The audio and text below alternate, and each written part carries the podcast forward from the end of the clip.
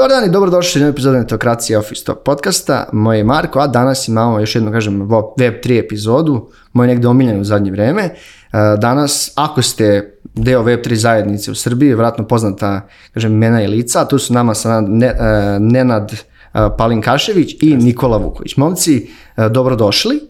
E, pre nego što krenemo, danas ćemo pričati o nekim proizvodima koje ste razvijali, na kojim radite, malo generalno Web3-u, e, kako je stanje na tržištu, kakvo je stanje u Srbiji. E, videli smo se i na, sad na ETH Belgradu, Nenade ti si bio predavač, slušao sam takođe predavanje, Jeste, da. bilo dosta zanimljivo. Uh, nije bilo ma, manje tehničko, više onako kažem mhm. neki vaši neki tvoj početak, ne kažu da si ti jedan OG-eva ovaj Web3-a u Srbiji, tako da moram kažem čast što ste moji danas gosti. Hajde na početak, ko ste, šta ste, čime se trenutno bavite, da ga ne kažem ličnu kartu, kao što kaže naš jedan folker, ovaj, lična karta na stolu kako već ide. E, Nenade, hajde krenemo, krenemo s tobom. Pa, Otkud ti danas u Web3 svetu i kako krenula tvoja negde karijera? Da, eto, prvo hvala tebi na pozivu. E, u suštini spomenuo si ono OG, mm mislim da, da ima još, ovaj, trebam još malo vremena da provedem da, da se tako zovem. Uh, U suštini ja sam krenuo kao i većina, ja mislim, onako iz tehničkog nekog backgrounda. E, studirao sam computer science na, na ftn e, i krenuo sam dosta brzo da radim, ono, posle fakulteta. Samo nekako nisam se pronalazio u većinu stvari koje sam radio, bilo mi je okej okay sa programerskog aspekta, ali ništa od toga me nije naročito zanimalo. E, tako sam 2017. krenuo sve više da istražujem različite oblasti. Jedna od tih oblasti je bila, tad je ono bio Bitcoin i bilo je kriptovalute.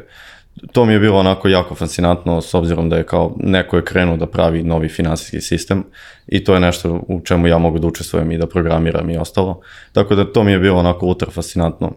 I kad sam saznao da, da postoji Bitcoin, da postoji Ethereum, krenuo sam sve da čitam o tome i da, da istražujem i tako nekako prirodno sam i, ono, upoznao ostatak ekipe s obzirom da su to bili tako neki prvi ljudi u Srbiji koji su počeli da se bave Ethereum developmentom. Nikola, Pa, da, hvala još i od mene za, za lepe reči, uh mhm. -huh. lep, lep intro. Um, neko slično kao, uh, kao Nenad, uh, ne znam, propustili smo možda da kažemo šta radimo. Ne znam, da to, možemo to da, da kažemo sad, možemo u nastavku, slobodno da, da, možeš da, da kažeš. Da. Ništa, ja sad vodim uh, tim zadužen za uh, klijentsku stranu DefiSavera, uh mhm. -huh. uh, a počeo slično kao Nenad, delom sa te tehnološke strane, delom sa, sa strane vrednosti Web3-a. Uh, na nekom pol Web3 projektu upoznao zapravo Andreja, uh, Andreja Čvora, našeg, uh, to jest uh, osnivača e, decentara naših prijatelja, e, prosto se zainteresovao tu, e, Web3 je bila ta dosta nova stvar. Pa i dalje je nova. Jeste, jeste, ali možda zamisliš kako je bilo te neke 2017. možda, kad je to sve bilo u nekom začetku, nije postojalo ništa, znači nisu postojali proizvodi, postojali samo koncepti i projekti i vrednosti. I onda to, jako brzo mi je kliknulo zapravo šta Web3, taj ceo pokret pokušava, tu mhm. decentralizaciju. Uh -huh i to prosto kad ti klikne ne želiš da se baviš ničim drugim posle toga. Sve, sve drugo nasmo toga ti delo je malo i nebitno. Mhm. Uh -huh. e, I tako, uh, upoznao Andreja tu, e, Andrej htio da se bavi full time Web3-em, e, zvao me da prosto uskočim na neke projekte, tako da smo dosta dugo radili neke stvari e, nekomercijalne, e, eksperimentalne i ništa tako igrom slučaja vremenom ovaj završio i na Defi Saveru uh mhm. -huh. i eto to sad govorimo. A pomenuli ste, uh, ono što je meni zanimljivo, te vrednosti u Web3-u. Hmm.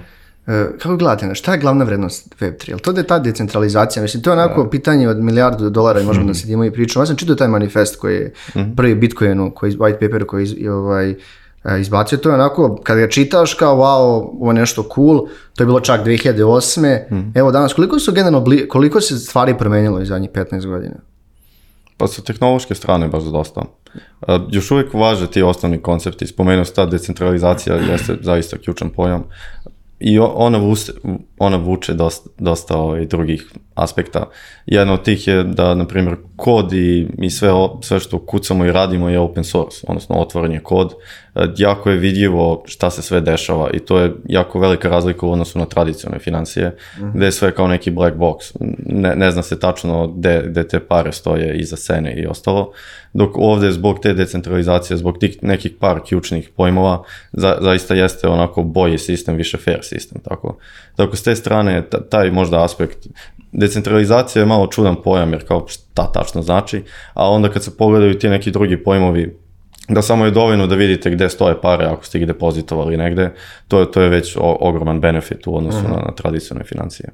Da, Nikola, ti se slažeš. Pa da, obično to i Web3 i decentralizacija i blockchain, to sve, o, svi objašnjavaju se dosta mlataranja rukama, jako je teško objasniti zašto je abstraktno, uh mhm. -huh. ali prosto kad vidiš znaš, kad, kad, kad vidi, kad ispred tebe, jasno ti je, aha, ok, ovo nije onaj financijski sistem ili ovo nisu one vrednosti koje smo imali ranije, ovo je naš drugačije. Pa mislim, mi kad gledamo finansijski sistem, šta se dešava pre 20 godina, šta se dešava sad i šta se dešavalo 2008. Mm. pa i ranije godina, a, one, a, pronevere, prevare mm -hmm. i ono, tako je, apsolutno možemo vidjeti na kakvim nogama je građen, ali to su neka ovaj, e, druga pitanja. E, pomenuli ste da ste, ono, ja volim da pitam te e, goste koji su tu e, iz Web3, koliko je teško taj switch iz Web 2, pošto ste krenuli tu u mhm. Web 3, ili te, ono, kapiram da je tehnologija čak manji problem nego razumeti ceo taj koncept i ono, na, na kojim principima bazira ovaj, Web3, jer neke stvari kao su DeFi, NFT-a, DAO, pa i neke druge stvari mm. o, o, iz IKM-ama, to su doista pojmovi koji nikad nisi imao, ako nisi u industriji ne možeš tako lako da ih razumeš. Pa jeste, u suštini rekao bih da je tu možda najteži taj deo i, i to primećujem kod nekih ljudi onako da budeš otvorenog uma, jer kao što kažeš novi su pojmovi i sad kad neko je već ono iskusan programer, on sad dođe, pogleda blockchain i kaže, ok, ovo je neka baza podataka, radio sam ovo iz 20 puta, ovo neće da... I onda ljudi kad dođu već tako sa usađenim ono, verovanjima i kao već misle da znaju sve, onda tu je malo problem da kao zapravo sedneš i uđeš duboko i da, da skontaš neku suštinu. Tako da, kao što si rekao, s tehnološke strane onako relativno lako, ono, programiranje je programiranje, slični su tu koncepti, nije sad to strašno. E, treba jednostavno da, da kao budeš zainteresovan baš jako za čitavu industriju jer treba da se nauče dosta tu novih pojmova i svega, ali ako je to nešto je onako, nama je to bilo jako interesantno i onda kao to nije bio toliki posao u suštini da sednemo jer kao uvijek je, e, postoji neka nova stvar, si čuo za ovaj način skaliranja blockchaina, uh mhm. -huh. nisam, hajde da pročitamo white papere, hajde da, da uđemo duboko i onda s te strane kao, a, ako, je, ako si neka osoba koja ima taj ono, uh, inherent curiosity, da, da se saznaješ neke nove stvari, mislim da je to baš ono super polje, jer kao uvijek ima ne, neki skroz novi koncepti koje, koje možda naučiš.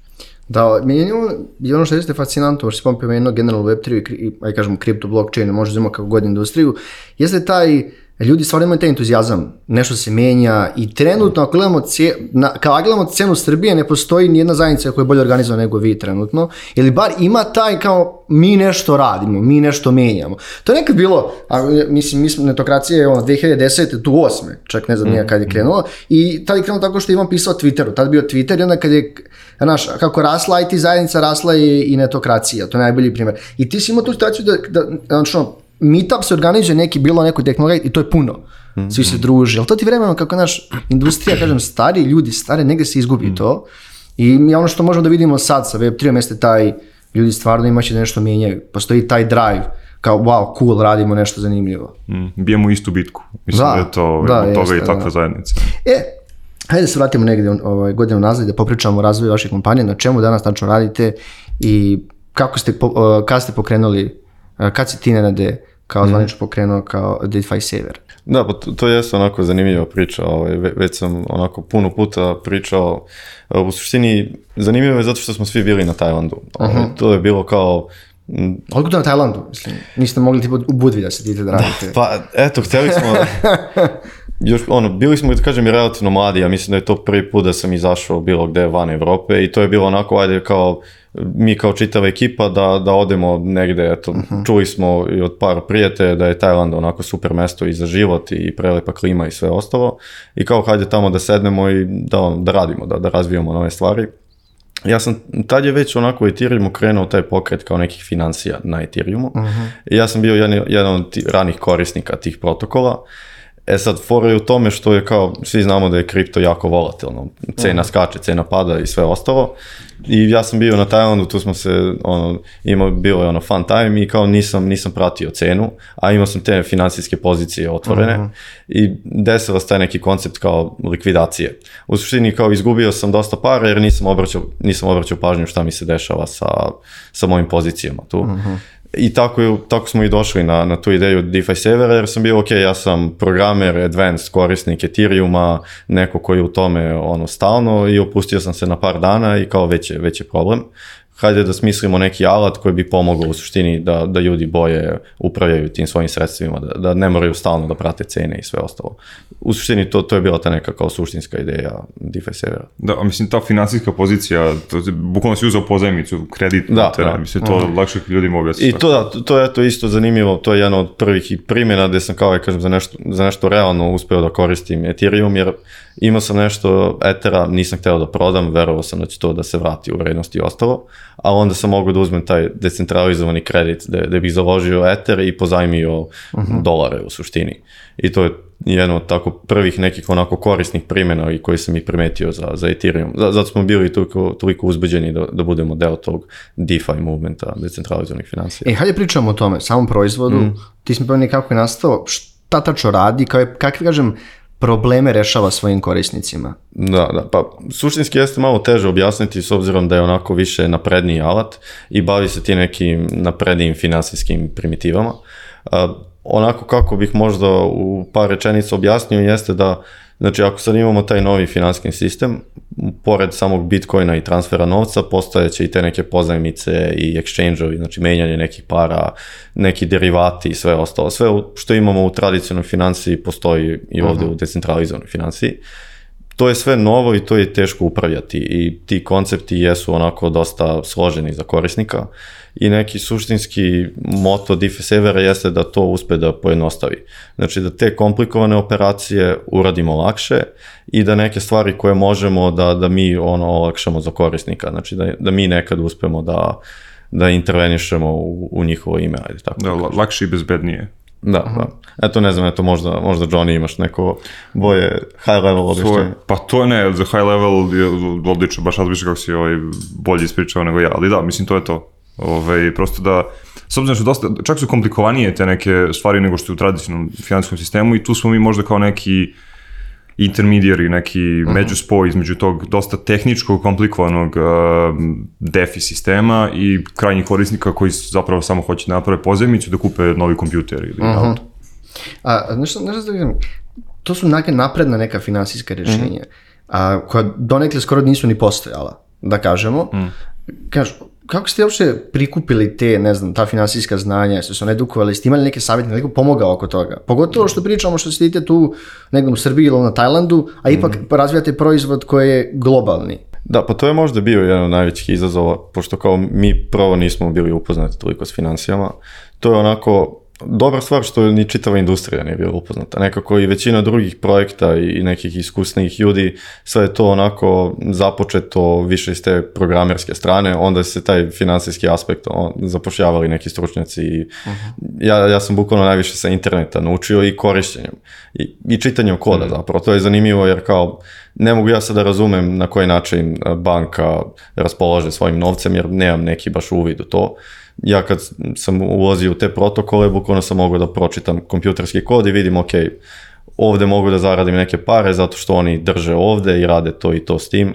I onda s te neke strane bukvalno sam internet i kompjuterski kod i onda kao pogledam aha kako je to u tradicijom i kako je ovde urađeno i onda tako nekako razumeš neku suštinu iza toga. E, Aha. i korisnici su nam pomagali dosta, ako se dobro da, sećam, da. baš Boost i Repay, ja mislim da je neko, neko od korisnika predložio mm -hmm. na, na, na Redditu, čak da, da, da. community, ono, ako sad gledamo koliko je Web3 community mali, i tad, tad bih rekao da je kao globalni Web3 community bio jako mali i dosta tih naših prvih korisnika su bili, ono, da kažem, i savjetnici na neki mm -hmm. način, jer to su možda ljudi koji su stariji i iskusniji od nas u financijama, sviđa im se proizvod i onda nam kažu, e pa super, ali pazite, mogli bi ovo i boje ovako i tako, tako da kao dosta, dosta dosta taj community je tu onako uzdigao mm. nas. Mm. Da, kako, koja to godina tačno bila? Početak 19. ili tako? Početak 2019. mislim da smo krenuli. 19. Ne, mi je, jako smo slabi s godinama. Da. Ali, ja mislim, da. meni u glavi kraj 19. početak da. 20. ali... To, to ja mislim već kad smo baš imali proizvod. Kad, kad smo, mm. mislim da smo da, tako tačno. kraj, u stvari kraj 2018. smo bili na Tajlandu i tad je ta ideja krenula da, da se onako... Uh, tad se zakuvala i onda kad smo krenuli to da, da pretvaramo u neku realnost, to je, to je već bilo tako od 2019. Da, i onda, se dešava korona, i onda imamo, mm i imamo taj, kažem ti, vrlo ubrzani rast Web3-a, pogotovo yes, te negde 20. Da. i 21. Da. da i dosta visi novca ulazi u ovaj, Web3, da, da, pogotovo da. 21.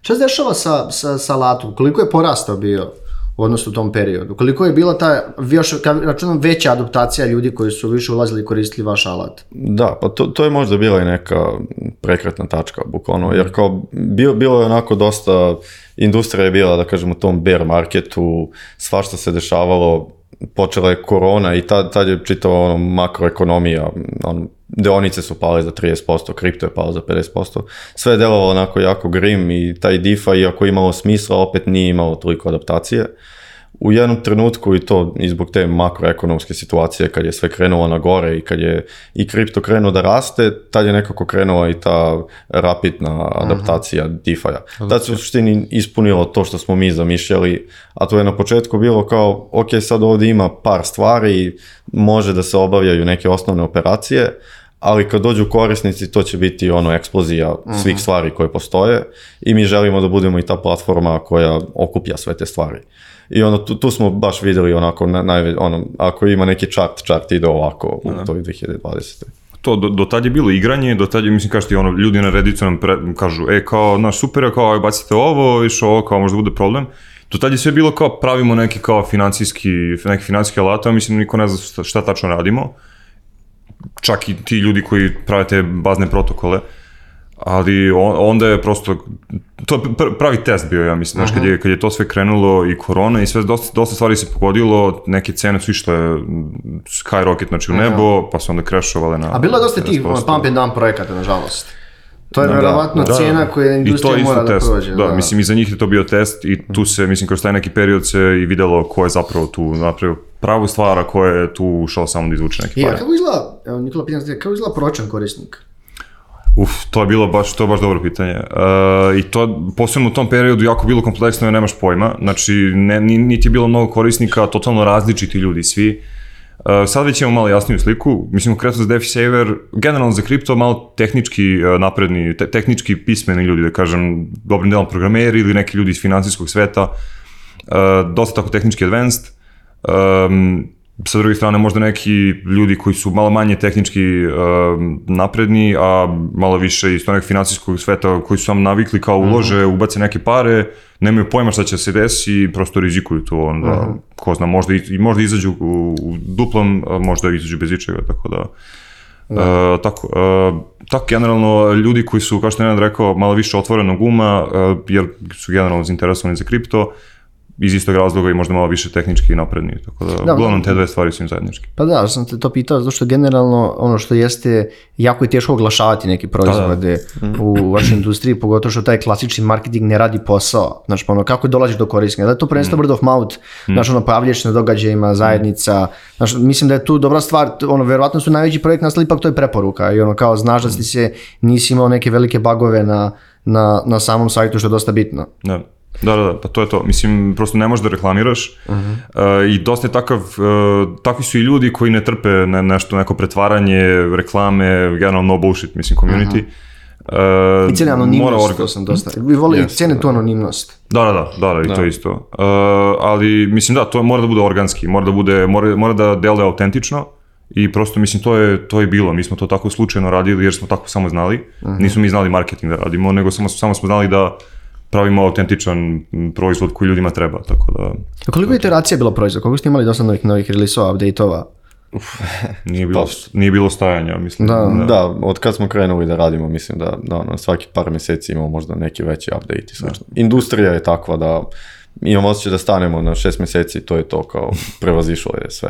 Da. Je, ajde samo korak unazad, pošto um, ok, ja znam dosta pojma, sam tu, mm -hmm. znam ljudi koji ne gledaju, jer nismo Web3 podcast, nego imamo, yeah. mislim na da svaki 4-5 epizoda dođe jedna da priča o ovakvim stvarima. E, neka osnovna razlika, Nenade, mm -hmm. Ovaj, između, pa kažem, centralizovanje financije i decentralizovanje financije. I da. možda da objasnimo ove ljudima da ove uh, Coinbase, pa i ove lazne, mm -hmm. FTX, da. nisu da. bile decentralizovane mm, mjenjačnice, to je jako bitno da se zna. Da, pa eto, to, to je možda onako i najveća šteta sad ovog prošlog ciklusa što se desilo, da da dosta ljudi su videli taj FTX koji je eksplodiralo, gde je to ispalo da je to neki ponzi i šta već. Uh, ljudi su bili, aha, pa eto, rekli smo da, da je kripto prevara, vidite šta se desilo, a to zapravo, pošto je bio toliki hype, ušli su ljudi koji su, ja mislim, onako, da kažem, prevaranti po zanimanju. I oni su to industriji uspeli gde ima dosta hajpa da naprave taj neki FTX koji je centralizovan exchange. I to slično radi, da kažem, i kao neka banka ili kao neka aplikacija, gde eto, ljudi su stavljali tamo pare, oni su njima obećali da te pare stoje, da sto njihove pare, da neće ih dirati, pošto nije bilo na blockchainu, nije za, zaista bilo na nekoj otvorenoj, decentralizovanoj mreži, niko nije mogao da vidi tačno gde su te pare i onda su oni počeli da rade sve i svašta s tim. I to je ta jedna ključna razlika da imamo neki protokol eto, koji mi koristimo u aplikaciji, zove se AVE, I sad, ako se tu depozituje novac, ja mogu tačno da vam pokažem smart kontrakt gde, gde stoji taj vaš fund i možete da vidite i da imate neke alate koji monitoruju ako to izađe ili nešto slično se desi ne upravljaju ljudi, upravlja kompjuterski kod, tako da sve dok nema neki bug ne, ne može ništa van tih pravila da, da se desi.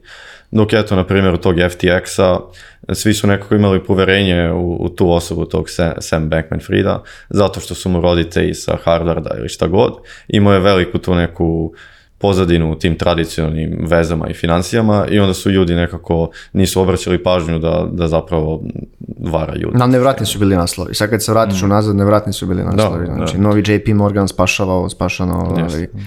Da. A, mislim, mislim, tužan period u nas, ali eto, do, dobro je imati tako bear market da se isčiste takvi igrači i da se mm -hmm. prikaže ko je ko zapravo. I, I baš eto, setio se jedne stvari, to je neko na konferenciji baš pričao, kad se desila ta eksplozija i FTX-a i nekih drugih velikih igrača, a, svi su oni zapravo i koristili DeFi u pozadini. Ono, gde su Aha. oni mhm. sve ubacivali pare, neka od tih stvari je bilo u tim decentralizovanim financijama.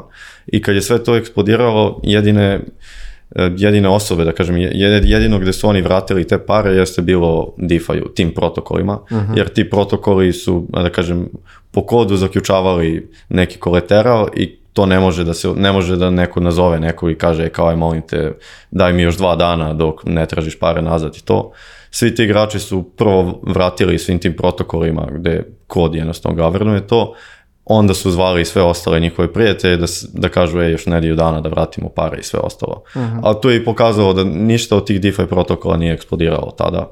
Sve ovo centralizovano je otišlo. Da, u, u smislu ono što Nenad hoće da kaže, DeFi protokoli bi ih likvidirali, prijatelji ne bi. Uh mhm. -huh. Znači da. tu ne postoji taj element poverenja, znači sve trust sve, da. je otvoreno. Da. Sve je automatizovano. A i više je fair, jer kao što, što bi eto oni, što običan čovek kada nema dovoljno para, što dođe banka da mu odozme kuću i to, a onda mhm. neki milijarder, onda se mhm. on dogovori s bankom.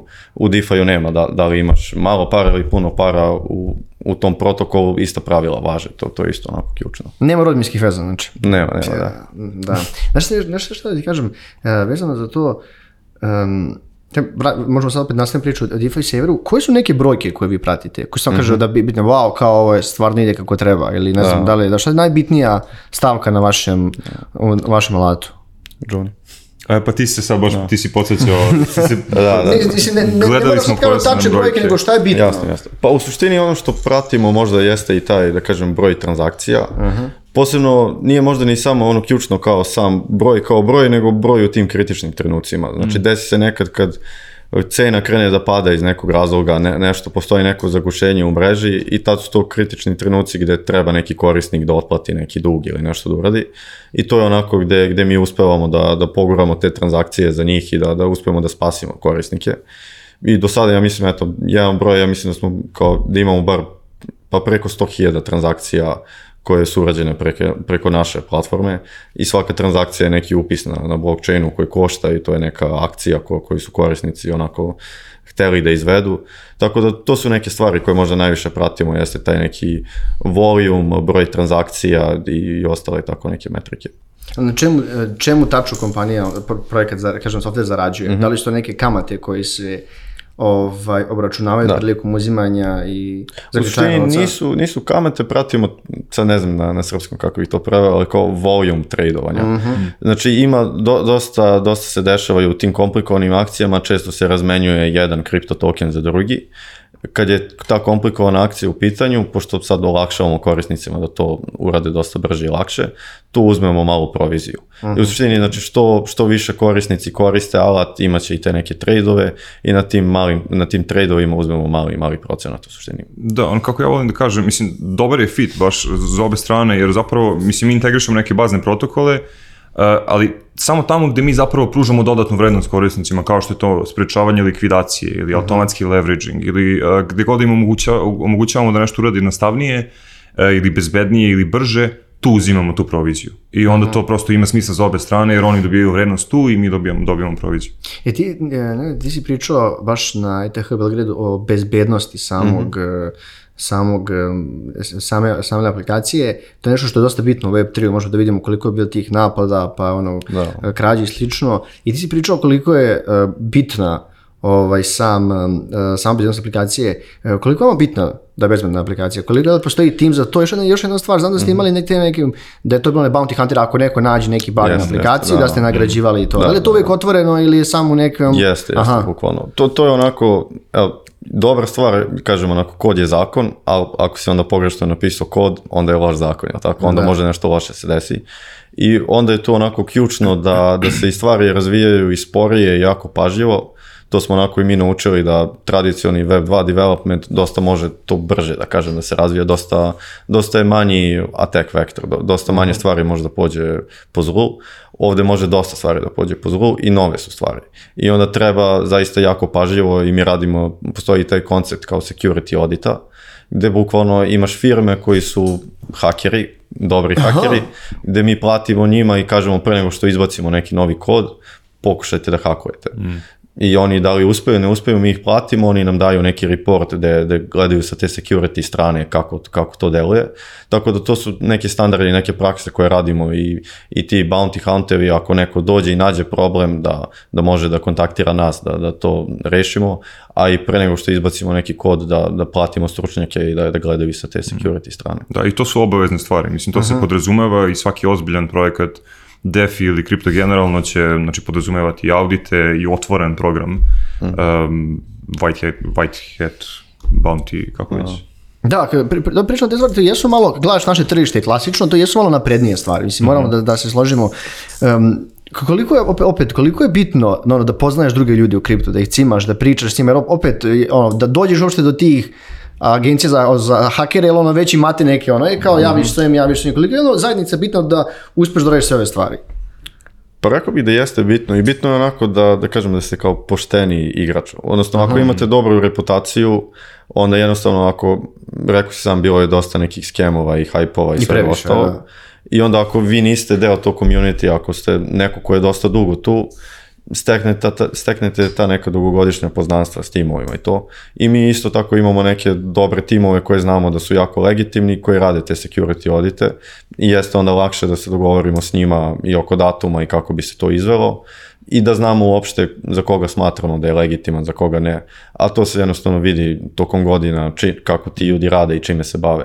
I onda, onda postoji ta neka zajednica, rekao bih, tih protokola ovaj i proizvoda koji, da kažem, poštuju jedni i drugi jer smatraju da, da rade neku da, znači, stvar. Mislim, na, na, kad te slušam ovako, da pričaš o tom poštenju, to je i poslovnoj etici, a glavno financijama to su baš vrlo često dve suprotne mhm. stvari, mm ali hoćemo da zaradimo velike pare na klasičnoj berzi i klasičnim finansijskim sistemima, to je baš ide suprotno nekim drugim stavima mm -hmm. koji si E, koji si pomenuo. Pa dobro, možda zato što ne gledam iz ugla tradera. A da, to, je, to je možda taj zero da, sum da. game da. gde kao, ili će neko da izgubi da ja zaradim i slično, pošto razvijamo, razvijamo proizvod koji eto, pomaže ljudima da, da bolje upravljaju svojim sredstvima, on i pričamo s drugim protokolima koji slične neke stvari rade, onda s te strane kao svima je dobro da protokol bude siguran i naš i njihov, dobro je da ima boji UX, do, on, dobro je da napravimo boji proizvod. Aha. tako da s te strane ono, benefit je za sve. Da, ne, ne to što kažem, to. zajedničku bitku bijemo svi, tako da, da bar, za sad.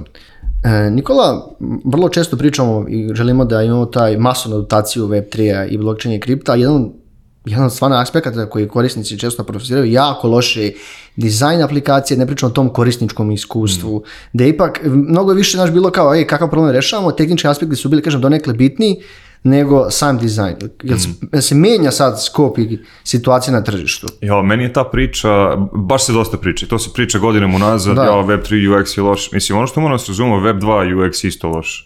Uh mhm. -huh. E, ljudi citiraju, ne znam, Dropbox kao najbolji primer. Dropbox ima, mislim, isto probleme svoje. Uh e, mhm. -huh. Dropbox je previše jednostavan za neke svrhe, pa su ga onda zakomplikovali na loš način i tada. Uh, e, nije ništa idealno, uh, treba se prilagođavati svojoj ciljnoj grupi. Ljudi uh mhm. -huh. pričaju, e, znaš, ova moja majka ne može da koristi defi, ali to je okej, okay, jer mislim, tvoja majka neće da koristi defi, tvoja majka će da koristi nešto drugo. Defi je trenutno uh, alat uh, za jako napredne korisnike i takav, mislim, ima smisla.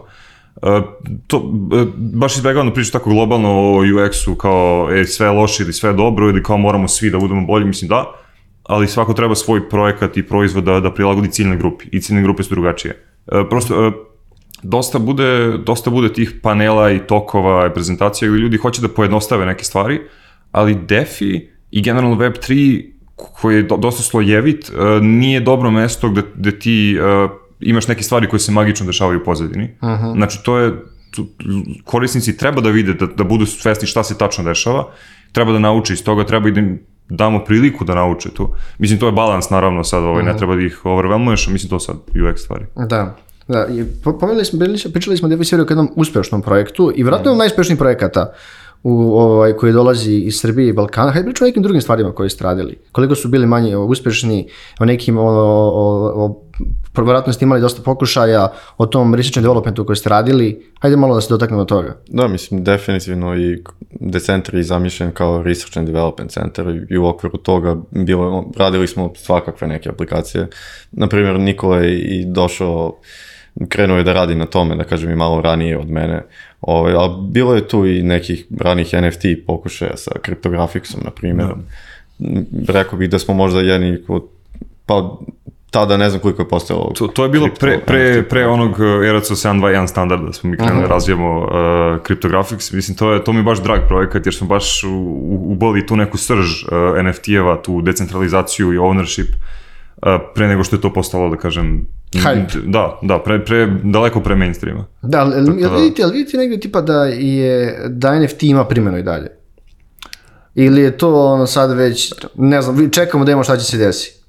ja mislim da je kao hype je otišao naš ovako, previše, Aha. i mhm. onda sad pada, i onda će opet dođe ovde, i naš vremenom će da se nađe neka sredina da je kao, zapravo, ima, ima smisla, taj decentralizovani ownership ima smisla, Mislim, ima smisla decentralizacija kao u svim drugim uh -huh. uh, realnima gde se, gde se primenjuje. Mislim da ima smisla, samo što je sad otišlo over hype, u, u, mhm. over, u hype, pa onda over korekciju u minus, i naće se neka sredina tu vremena. Mislim da je rano da, da znamo kao tačno gde, ali da, definitivno. Ne, da se ti slažeš. Da, pa definitivno. Mislim, samo kad se razmisli onako koliko sve više i više vrednujemo digitalne stvari mm. i kao, ne znam, deca sad igraju te igrice i onda imaju skinove i Aha. Mhm. ostale in-game iteme koji su digitalni itemi koji koštaju možda stotine dolara i slično. To sve može da se, da kažem, digitalizuje, na, da postane NFT, da bude tradable na blockchainu. I mislim kako, kako ide tehnologija napred, da će sve više ljudi da imaju stvari koje poseduju, koji su digitalne stvari i NFT je bukvalno taj neki način da, da, to, da te digitalne stvari imaju ownera. I ima im i smisla i kad je neko umetnik i razvija digitalnu umetnost, da na neki način isto može da proda kao što bi neko prodao fizičku sliku i slično. Uh mhm. -huh. Tako da s te strane čini mi se da, da zapravo u narednim godina će sve više više da, da se primenjuje i da, da se koriste ti NFT. Nešto je palo na pamet, pošto zaratimo pa opet na o, ovaj, DeFi server, pomenuli smo korisnicima, a, eh, da li da su to većinom kao ono, useri ili su baš koristili neke, ne znam, bit, kompanije koriste vas za, za neke uh mhm. -huh. veće transakcije i slično? Pa rekao bih da su možda najviše individua. Aha. Ima neka kad pričamo, to, spomenuo se jednom trenutku anonimnosti, većina Aha. tih ljudi mi ne znamo ko je tačno, obično pričamo s nekim avatarom i niti, niti mi pitamo u suštini ko su. Uh, Eh, često eto na nekim konferencijama kao sad što je bilo u Beogradu, onda sednemo i pričamo uživo s tim korisnicima i onda čujemo da je zapravo su deo nekog fonda ili deo neke kompanije drugi u kriptu ili van možda neke tradicionalne ove, ovaj, kompanije koja koristi kripto i slično. Ali većinom bih rekao da, da jesu no, normalni korisnici koji, koji mm. nisu fondovi i slično. Da, da, a, e, e, hoćeš ti možda dodaš Da, ne, šta? samo kažem, kompanije čini mi se posluju drugačije. Oni Aha. prvo prišli, tražili neke, ne znam, garancije, tražili uvi uvid u bilo šta. Da, više e, ono bit to, to, da. da, mi prosto ne, nemamo taj ni broj ljudi, ni prosto ta, nismo takvi ljudi koji znaju da posluju na taj način, prosto ovo su uh, ja, retail korisnici. A, ne, ne, pošto već tu, kad ima neki, ima neki ključ i deo trenutak kad ste razvijali uh mhm. -huh. sam, uh, sam servis, kao wow, i ono kad je, kao ovo radi, mhm. uspeli smo, mm -hmm. znaš. Pa ja mislim, zapravo rekao da je taj moment te kad smo izbacili, pošto sve onako to bilo kao, ok, ovo možda će neko da koristi, ne, ne očekujemo mnogo, da kažemo, od ovoga. Mm. Razvijali smo svakakve proizvode i nikad to nije imalo nešto mnogo korisnika, bukvalno. Mm. Iznenadilo nas koliko su ljudi bili ono, kao entuzijastični, koliko im se to svidelo, koliko puta su se javljali ljudi kao je ovo je najbolja stvar ikada, spasili ste mi poziciju, šta god. Tako da taj neki inicijalni feedback da je zapravo mala grupa ljudi, ali kao jako, jako entuzijastični da, da zapravo kao, e, ovo je super, jel možete da ubacite još ovo i ovo i mhm, ovo. Mhm. I to nam baš dalo taj kao vetar u leđa da, da budemo, ok, ima ovde nečega, zaista treba, treba da idemo dalje. Pa, pričamo o anonimnosti, ali blockchain ti više neki trag, ili znate ono kao gde su vaši korisnici najviše? Da li je to ipak US kao ne može najnaprednije mhm. kripto tržište ili to ne znam. Koliko je uopšte penetracija u Aziji? Koliko ljudi, koliko su tamo zbog njih ograničenja koji su bili u Kini mm -hmm. i mhm. slično kao najtržište? Ja. Da. Koliko je uopšte ovaj koliko je uopšte zastupljeno tamo tržište? Pa eto, Johnny, možda imaš bolje. Pa da, koliko se sećam, bilo ih i više u Aziji. Zapravo u početku je bilo dosta ljudi iz Kine, mislim da je to malo zamrlo kod njih i oni imaju neka svoja rešenja i oni mm -hmm. vole lokalne stvari. Da je to ali, tačno, baš vole hm? vokal, baš da, vole da, stvari, da, da. da. Uh, ali generalno globalno je dosta. Um, rafli, znači okvirno trećina u Americi, ja mislim trećina u Evropi, trećina ono, znači neka Azija i sve da, ostalo. Mislim da čak imamo je tako i prevod za, za kineske na aplikaciji. Da, imali smo da, da u, iz, iz tog nekog doba. Pošto baš vole, nešto... Da, kinezi da, ne vole engleski jezik i ono da. imali smo i prevod za, da, za da, kineski da, da, da. jezik. Divno. Da. Je, a, a pri, pri, si konkurenciju, ili postoji neki alat kaže, koji radi baš slične stvari kao, kao vi? Mm -hmm. ili, ima, ili, ima, ili bar daje nešto slično u okviru aplikacije? Pa ima, rekao bi, dosta proizvoda. Pro, nije problem, kao nova industrija i onda svako traži nekako svoj pravac. Ono što smo videli kad smo i u početku posmatrali neke ljude kao konkurenciju pre dve, tri godine, nekako su na primjer sad oni otišli dosta u pravac da budu, ne znam, portfolio aplikacija i mhm. više usresređeni na NFT-ove i slično, mhm. dok su mi otišli sad u drugi pravac tako, pošto je industrija mlada, generalno se ne opterećujemo previše, jer kao ima, ima još dovoljno prostora da nekako svako na, napravi sebi neki aspekt gde, gde se pronalazi više ta aplikacija. Tako da kao generalno do sada sa, sa većinom aplikacija smo sarađivali dobro, iako nekad radimo neke slične stvari, nije, nije neki, ono, nije ali, takva konkurencija. Da, ali našo nekad neki problem, e, kao mi smo sedimo u Srbiji, na Balkanu, bio nekad to problem? Pa baš, da. e, ipak radite globalni proizvod. Ono što znaš, mm. kako, ako si, ono, mm -hmm. imaš bilo kontakt, kontakt sa Amerima, ako si studirao Stanford, mogu broći doći do Kinte da razviješ bilo šta, dost, da za tim, da dosta je globalni, Da, dosta je globalni community. Uh mhm. -huh. e, mnogo, mislim, Web3 je mnogo manje predrasu da ljudi imaju, znači znaju da vrednost može da dođe odakle god. Mislim, i, i Ethereum je bio, da kažem, underdog nekad, isto uh -huh. kao mhm. što je možda Srbija i Balkan u nekom financijskom, u nekom uh mhm. -huh. generalnom svetu. Tako da ne toliko koliko bismo čini mi se nekim drugim industrijama imali. Da vi ste dominantno, znači, na, radite na Ethereum, imate neke druge protokole i ako gledamo cijelo tržište Web3 protokola, Jel mislite misli da postoji još neko koji može da se primakne i Ethereum, pogotovo ono što je bilo, znači Solana je nekad bila ok, pa je mm. pala, Nire nešto otišao neku drugu stvar. Pa, u suštini koristimo te kao L2 rešenja, uh mhm. -huh. to su neka rješenja skalabilnosti uh za Ethereum i oni rade jako, bliz, jako blizu pri Ethereum mreži. Da, oslanjuju se na da, Ethereum. Da, da. da. Tako da kao najviše to nismo nikad ulazili toliko sad mi glas otišao. Da. Ovaj nismo nikad toliko ulazili u druge Aha. L1 mreže kao Solana mm. Da, nije da nismo hteli, daleko od toga da smo maksimalisti i neke korisnici su nam tražili, ali prosto nismo, ni jedna mreža nije imala takav trade-off uh, nije toliko sigurnost imala kao Ethereum i prosto nismo iz stanovišta DeFi savera nismo mogli da nudimo korisnicima da, da koriste nešto u što mi nismo 100% sigurni. Aha. Tako da daleko od toga, mi podržavamo konkurenciju Ethereum, mislimo da to treba da se desi i za Ethereum i za drugi DeFi protokole i to je sve odlično, ali prosto do sad je ovo najbolji kompromis bio za nas. Ja, kako je, pomenuli smo ovaj, bull market da je bilo, kad je krenula korona, sad smo u skroz, sad je skroz suprotnost, evo već traje neko vreme, ono što je sad kao kriza generalno u svetu, u mm. IT-u, mi smo kaže da je bila prošle, da je prošle godine čak krenula mm. ovaj, da. u Web3-u, kako je situacija sad? Pa nije ni toliko loše, bar, bar se meni tako. Pa, ja, da. da, ja, ću, ja mislim, ono, pa mi ispravite ako grešim, možete se nadovežati, da smo prošli taj pre, period hajpa je možda dobra stvar, mm, jer kao što ste pomenuli, bilo mnogo prevaranata i kao ako su više bili tu da zarade neku, pa neke pare mm. na brzinu, nego zbog same tehnologije i adaptacije da. tih proizvoda. I za, za tehnologiju je super, ovaj deo ciklusa je super, jer sad su ostali ljudi koji zapravo prave stvari, koji, su uh -huh. inženjeri, koji, koji veruju u sve to. Sad, sa stanovišta sa marketa, ekonomije, da kažem, mislim da, je, da su sve industrije malo usporile, takav je, takva je klima da ljudi pribegavaju nekim malo sigurnim investicijama, sigurnim od kripta, tako da je generalno i sporiji market, ali mislim da smo uspeli da nađemo održivost čak i u ovom, u, u, ovoj trž, u ovom tržištu. Da, i tako da, mislim da je vrlo... Kaže, da. Nenad, izvini, nije toliko loše koliko smo se plašili da će da bude. Tako da, da. I, ono, ono što, ono što mislim da smo se nekako vrlo brzo upoređivali se tom 2021. koja je bila ipak e, godina, možda kažem, nenormalnost, mm. jer to je ono, mm. digital je eksplodirao, sve je nešto bilo online, a znači niko se ne upoređuje sa godina pre korone. Da. Ajde, ok, to je bila 19. 20. kad se desila i ti kao, wow, znaš, ove velike korporacije, kao ne znam, pao im prihod ili prodaja, rekao da, odnosno na prošlu i preprošlu godinu, zato što je kao nerealan rast. I nerealan rast u zapošljavanju i nerealan rast u prihodima. Znaš, nije realno da se svet, znaš, da svet stane i kao sad je sad digital, no. Da. sad je sve kripto kripto i to. No. Da. A šta mislim, će, kad očekujete neko poboljšanje situacije? Jel imate neke, onako, kažem, nostradamuske vizije, e, bit će bolje tad i tad? Ja se ne usuđujem da je bilo kako... kakve... Kad će cena da se vrati? Da. Pa sad za mjesec, da, šta Svaki put kad sam pokušavao u prošlosti tako da da neki konkretan datum za bilo šta, ovaj, nikad se nije ostvarilo. Tako da vidjet ćemo, kao što kaže Nikola, nama je okay da, da razvijemo tehnologiju, sada kada ima toliko manje tih skemova i sve, toliko manje hajpa, zapravo je lakše da, da se radi na, na nekim inovacijama. Mm. Kada u nekom trenutku opet krene hype, dolaze korisni, sve to, nama je bitno da mi kao proizvod i čitava industrija bude bolje spremna. Da ljudi ne odu na FTX, da odu na DeFi, da, da se mm. ne mhm. desi sve ovo što se desilo od 21. Da, je, je li ima neka stvar koju se čeka generalno na Web3 sve, kao ne, nešto kao neki bitan datum, jer bilo je jedno vreme čekao se ovaj merge Ethereuma, mm -hmm. pa je to prošlo ipak je onako, nekog se više očekivali da imam očaj.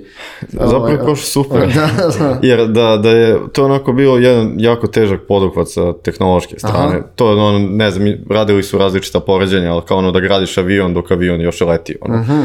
I zapravo to što je prošlo onako tiho, je, čak je Vitalik izjavio da nije očekivao da će, da će biti ono nula mm. problema kad se mrđuje, jer je to baš bilo tehnički jako teško izvesti. Mm. I onda, pošto je bilo nula problema, nekako su ljudi kao bili, a pa da, očekivali smo da neće, mhm. ali jeste bitan aspekt. I, mislim, druga stvar, to se čeka godinama. Ja se sećam, uh ja mislim, 2017. 18. se pričalo da. o tome i to je bilo kao, ma da, važi, kako da ne. Ono, uh-huh. ako se to ikad desi, kao, da. vidjet ćemo. I onda se, znaš, kad čekaš nešto pet godina i desi se, naravno da će bude underwhelming. Tako da ima i toga, da. ali ono, dobro je sve prošlo. Da. To je najbitnije. Rekao bih na to tvoje pitanje, sad je onako skalabilnost Ethereum i te, te neke L2 mreže i, i ti neki drugi podohvati. Mislim da, da je to glavna stvar koja se čeka da, da to nekako postane već sada postoji, ali da dođe na taj neki production nivo mm. i da to ljudi koriste i da kao zaista ako dođe 100 miliona korisnika u kripto, Ethereum i DeFi, da, da to može da podrži čitava mreža. Da, da ali to, dosta. dosta je više inkrementalno sad nego što je bilo. Znaš, uh mhm. -huh. lako je bilo kad smo imali te neke, mislim, više inkrementalno nego što je bilo, definitivno. Nema, neće biti tih nekih ogromnih skokova. Je, je, pošto negdje, negdje blizu kraja, koji su negdje planovi za 23. Mm naredni period? Po u suštini da nastavimo ovim pravcem koji smo krenuli, znači treba, kao što sam spomenuo, ako se šest meseci ne razvijaju novi feature i ne isprati čitava industrija, već ste zakasnili.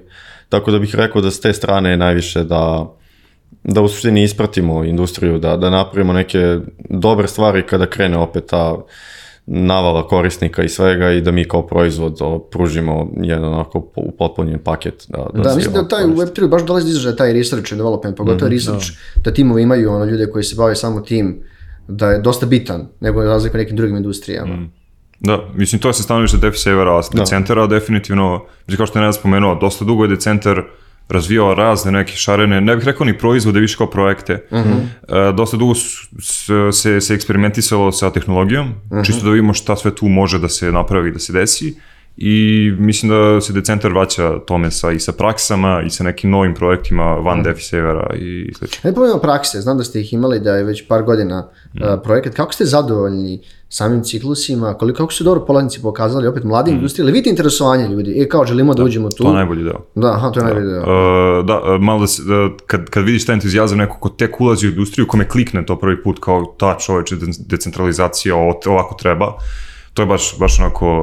Uh, rewarding, ali uh, da, ovo duši tek druga godina, kad, uh, druga iteracija te mm -hmm. praksi. Mhm. Prošle godine smo stvarno bili zadovoljni, s obzirom da je bio prvi put, ja mislim da nije moglo bolje, oduševili su nas i, i polaznici, kako da kažem, Ne znam kako bih projekat... nazvao, ja sam for, da, pitanje, praktikant, ka, da. praktikant, da, da, da, da, da, da. možete palo na pamet. Da, ono, ja krasno kažem, oduševili su nas klinci, nisu klinci uopšte, daleko od toga. Da. Ove, ovaj, oduševili su nas i oni izgurali su neku ogromnu stvar koja je onako mm. dosta konceptualna bila, dosta, nismo imali pojma što da očekujemo, super je bilo baš, tako da, ne znam, ne, zapravo ove godine nismo mnogo stvari promenili, mm. opet su nam odlični praktikanti, polaznici. i mhm. tako da su da, krenuli ili treba da krenu tek? Treba u julu. U julu. Da Prvog pa jula, prvi juli i august. Sa, sad smo prošli procese intervjuisanja i to. I stvarno odlični, ono, eto, ja i Nikola smo pričali. Jel se rast no. odnosno na prošle godine? Kao druga godina negde približno slično? Pa, bili su odlični, ja mislim, obe godine, mm. tako da ne, nezahvalno je porediti. Ne mislim rast prijava, mislim Aha, rast prijava, ne da. mislim sam kvalitet ljudi, jer to, da... Pa bilo je između 150 i 200, ja mislim, prijava obe godine. Ili prošle godine čak nešto. i više bilo. Prošle godine možda par stotina. Moguće, ali imali smo, ja mislim, i drugačiji proces selekcije. Nisam da, siguran. ne sam da. više. Ja. Ali definitivno dobijamo jako puno, jako dobri kandidata. Da. Mladi ljudi koji iz par godina, ono, druga godina faksa i već se vidi velika zainteresovanost. Da. I to, to je najteži deo bio od tih, ne znam, par, par desetina ljudi koji uđu u neki uži krug, mm -hmm. stvarno je greota birati ljude, jer kogo god izabereš bit će odličan. Da. Prosto možeš da smanjiš broj na pet i onda je greota, stvarno smo odlične ljude, nismo im dali priliku, jer prosto nismo mogli. Da. Tako da. E, ovaj, ništa, Nenade, Nikola, hvala što ste bili naši gosti, ja zaista uživao. Nadam se da ćemo sesti u nekom budućem periodu takođe da pričamo o daljim planovima i šta se nekim novim stvarima koje se desile. Tako da još vam hvala što ste bili u našem Od netokracije Office Talk podcastu. Inače, podcast samo možete pratiti na YouTube u video formatu, a audio verziju na svim, kažem, većim streaming platformama. Još jednom, hvala takođe što ste ostali s nama do kraja epizode. Hvala i tebi.